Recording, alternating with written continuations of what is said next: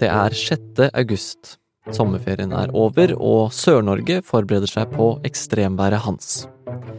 I en bil på vei hjem fra ferietur sitter utenriksminister Anniken Huitfeldt og mannen Ola Flem. Og de har litt å snakke om. Nei, jeg spør jo på bakgrunn av Borten Moe-saken om eh, jeg har noe grunn til å bekymre meg over hans eh, aksjer. Ola Borten Moe har nylig gått av pga. aksjene han har kjøpt, og Huitfeldt lurer på hva hennes egen mann driver med på børsen. Svaret er et sånt som kan virke betryggende, men som ikke gjør det. Og da sier han eh, det er ingenting å bekymre seg over. Jeg blir jo urolig, for dette viser at det er mye mer aktivitet enn jeg noen gang har visst om. Han fortalte meg ikke om noen selskaper da. Okay. Det, kommer, det kommer først fram en uke etterpå, for han har satt sin ære i at det skal ikke jeg vite. Og det er starten på en knipe som flere statsråder har vært i denne sommeren.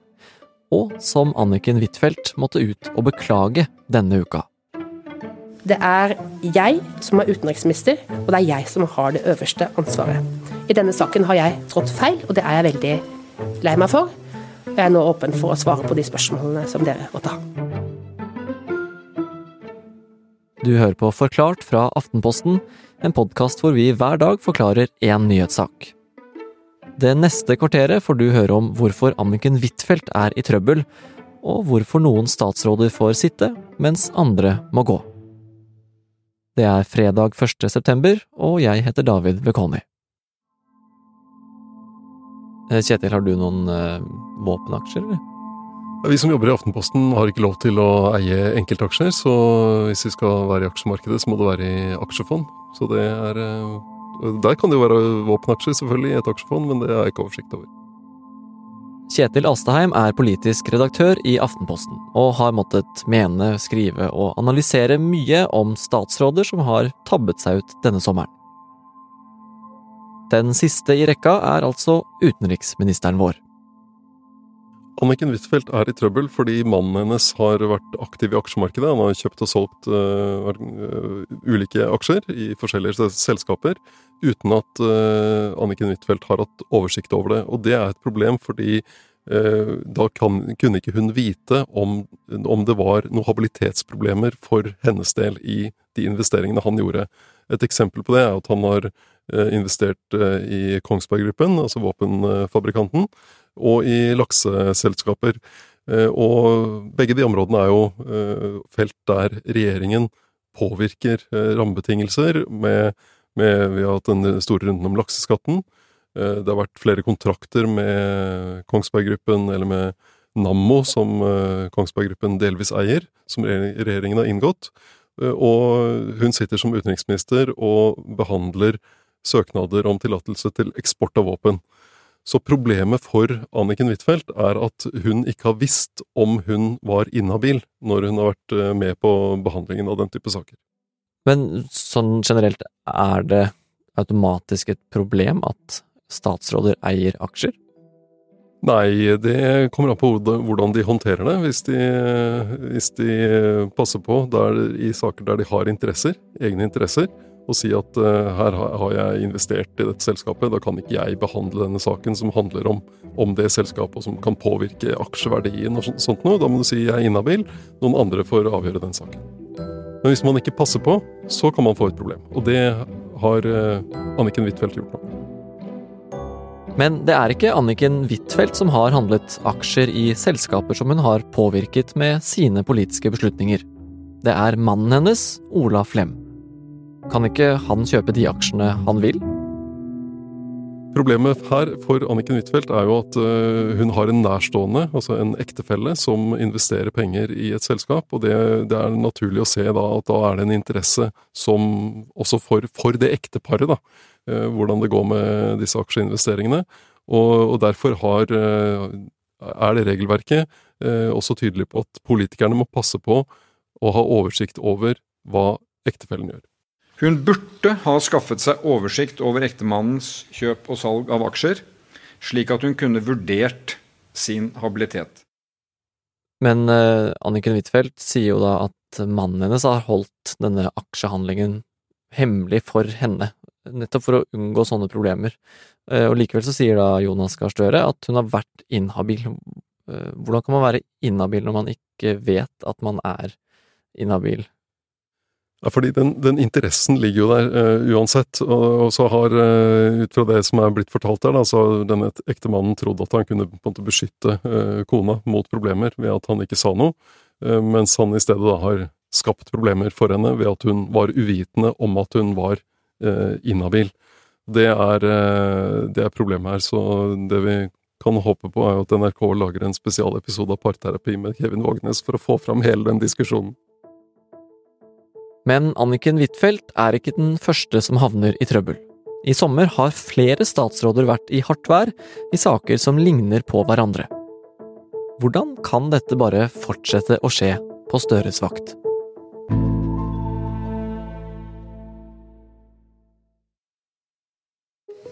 Jeg har håndtert habilitet for seint og for dårlig. Denne sommeren har vært fylt av saker om statsråder i knipe. Først var det kunnskapsminister Tonje Brenna som havnet i trøbbel. Tonje Brenna bevilget penger til eh, et senter som ga penger videre til eh, et sted der hun har venner i styret, eh, så det burde hun ikke ha gjort. Og så utnevnte hun en venn til et styreverv, og det burde hun heller ikke gjort. Hva gjorde hun med det, da? Hun gikk ut i VG og fortalte om det, og så beklaget hun masse. Og så gikk hun videre i livet. Det er alvorlig, og det beklager jeg. Så hun er fortsatt uh, vår kunnskapsminister? Det er hun. Så var det kultur- og likestillingsminister Anette Trettebergstuen som måtte bite i det sure eplet. Jeg har hele tiden vært klar over at han er så nær at jeg er inhabil. Trettebergstuen var eh, også inhabil i forbindelse med utnevnelse til eh, noen eh, styreverv, og tok ikke konsekvensen av det, og det burde hun gjort. Og hva gjorde hun da? Hun måtte gå. Jeg beklager på det aller sterkeste. Jeg har brutt habilitetsreglene. Jeg er svært lei meg for det her. Ok, så én inhabil venneutnevner ble sittende, og én måtte gå. Og så var det Ola Borten Moe.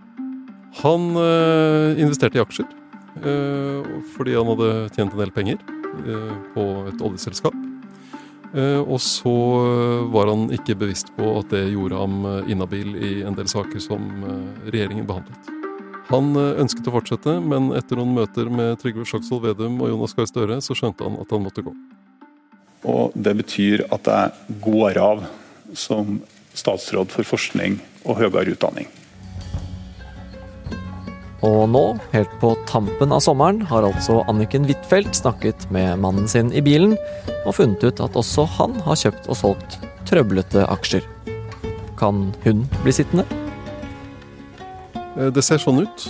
Eh, og det, hun har tillit fra, stats, fra statsministeren, som jo er det viktigste for eh, alle statsråder.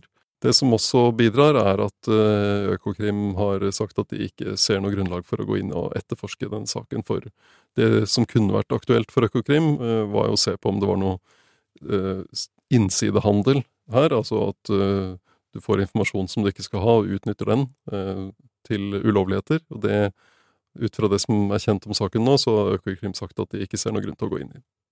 Hva, hva er forskjellen på de sakene? Altså hvorfor er det noen som får sitte, og noen som må gå? Forskjellen på saken til Tonje Brenna og Anette Trettebergstuen er at uh, Trettebergstuen var bevisst på at hun var inhabil i gjerningsøyeblikket, mens hun da likevel lanserte navn på hvem hun mente burde bli utnevnt til et styreverv. Og det kan du ikke gjøre, og der er reglene veldig tydelige. Så det er en tydelig forskjell. Når det gjelder saken med uh, Ola Borten Moe og Anniken Huitfeldt, så er forskjellen at Ola Borten Moe drev denne aksjehandelen selv. Han visste hva han gjorde. Eh, han burde skjønt at han var inhabil. Mens eh, Anniken Huitfeldt jo ikke handlet aksjer selv, det var mannen hennes. Eh, så hun visste ikke at hun var inhabil. Hun burde skaffet seg den informasjonen for å kunne ha oversikt over det. Men det hadde hun ikke gjort, det er hennes store problem. Men det er en forskjell, da. Det er forskjell på å være en tankeløs mann og det å ha en tankeløs mann. Ja, hei, kjære alle sammen. Jeg skulle ønske at jeg ikke måtte stå her i dag, men slik er det altså. Og det handler jo da om habilitetssakene. Og en til. Uansett hva som blir utfallet i denne saken, så har statsministeren nok en gang måttet bruke tiden sin på å snakke om en statsråd i knipe. Hvordan kan det ha seg at disse inhabilitetssakene bare fortsetter å dukke opp for regjeringen? Ja, Det er jo det man lurer på. Når du har hatt fire sånne saker på bare litt over to måneder, det er helt, helt, uh, helt uh, unormalt. Uh, og så er det sånn at den ene saken har utløst den andre. Sånn først kom Tonje Brennas sak, og det fikk Anette Trettebergstuen til å se litt på øy, hva er det jeg har gjort? Og så kom Ola Borten Mosak, og det fikk eh, Anniken Huitfeldt til å ta en ekstra sjekk med ektemannen om hva han drev med. Så de har liksom utløst hverandre. Det som er problemet for Jonas Gahr Støre, er jo at når det blir fire saker på rappen, så vil Stortinget spørre har du ikke kontroll i din egen regjering, hva har du gjort for å sørge for at statsrådene skjønner det regelverket som ligger der, i eh, det som Støre sto og viftet med på pressekonferansen om Trettebergstuen, nemlig håndbok for politisk ledelse. Men hva er det som har skjedd med den håndboka, da? Er den for vanskelig å forstå? Det er jo et godt spørsmål. Det, er, eh, det ligger et visst rom for skjønn der. Eh, og det, hvis du da har dårlig skjønn, så kan det gå galt. Eh, Støre har sagt at regjeringen brukte en, nesten en hel dag på å gå gjennom de reglene da den tiltrådte, og at det har vært repetisjoner senere. Så da blir det spørsmål om han er en dårlig pedagog, eller om statsråden er litt tungnemme. Men det har jo gjort at, at Støre og statsministerens kontor har sett på, på, disse reglene på nytt for å se om det trengs en endring. Og de endringene kom også denne uka. I den nye utgaven av håndboka er det blitt tydeligere at du også må passe på hva ektefellen din gjør. I tillegg har det blitt skjerpet inn på hva statsrådene selv kan eie av aksjer. Hvis de eier aksjer når de blir utnevnt, har de tre valg. Selge dem, fryse dem eller la noen andre ta seg av dem mens de er i posisjon. Disse endringene vil gjelde fra i dag, og vil forhåpentligvis gjøre det enklere å vurdere egen habilitet i tiden fremover. Kjetil, det her var jo en regjering som gikk til valg på at nå var det vanlige folks uh, tur. Hva, hva, gjør det med imaget deres at flere av statsrådene havner i trøbbel på grunn av aksjehandel og venner i styreverv? Uh, kanskje ikke sånn typiske vanlige folk-problemer? Nei, det er jo ikke bra for, eh, for, politikkens omdømme, og det er ikke bra for, eh, for, regjeringens stilling. Og den sliter jo en del fra før på meningsmålingene, både Arbeiderpartiet og, og Senterpartiet. Så det, det, er uheldig for regjeringen, og ikke bra for politikken.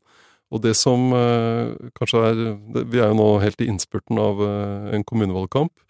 Og det for et parti å få en sånn dårlig sak Eh, inn i, innspurten, er, kan være litt sånn ødeleggende for de lokale eh, partiaktivistene som nå skal eh, som stå på inn mot mål og dele ut masse løpesedler og roser og steke vafler og, og alt mulig. Og så kommer det en sånn nok en skandalesak fra toppen og, og forstyrrer dem og lager rot, og så må de svare på masse spørsmål om habilitet og aksjer og sånn som, som mens de egentlig vil snakke om den lokale skolen eller en eller annen vei eller hva det nå er. Så det, det kan ødelegge litt på, på måte, innsatsen som da, i dette tilfellet Arbeiderpartiet er veldig avhengig av for å dra inn flest mulig stemmer.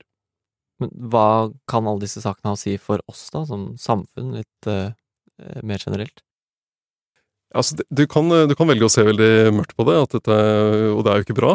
Eh, det som er, eh, Hvis du velger å ta en positiv vri på det, så er det jo at, eh, at ting kommer frem. Den saken med Ola Borten Moe ble jo, kom jo frem fordi det var journalister, sommervikarer faktisk, i E24, som gravde i det. Der har vi, vi har en presse som kan få frem sånne saker, og vi ser at det får konsekvenser. Og du får en oppfølging nå eh, i Stortinget med Stortingets kontroll- og konstitusjonskomité, som gjør sin jobb, nemlig å, å, kontrollere regjeringen. Så det viser jo også at vi har et system som kan fange opp den type overtramp, og at det får konsekvenser.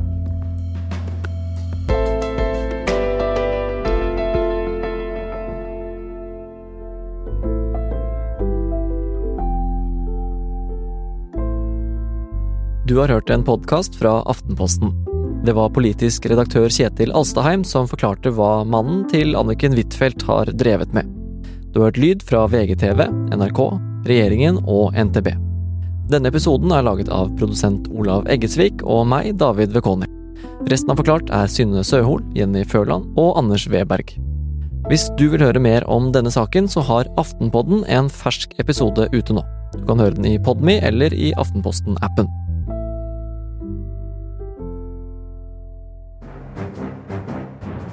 Vi er Aftenpodden. Lars Glomnes. Trine Eilertsen. Kjetil Bragli Alstheim. Sara Sørheim. Og hver uke så tar vi for oss det siste, eller i hvert fall det mest spennende, i norsk politikk og samfunnsdebatt. Ja, se, Vi har holdt på faktisk siden 2015 vi, å henge oss opp i ting i norsk politikk som ikke Det er ikke alltid det er det viktigste, men det er det som pirrer oss mest.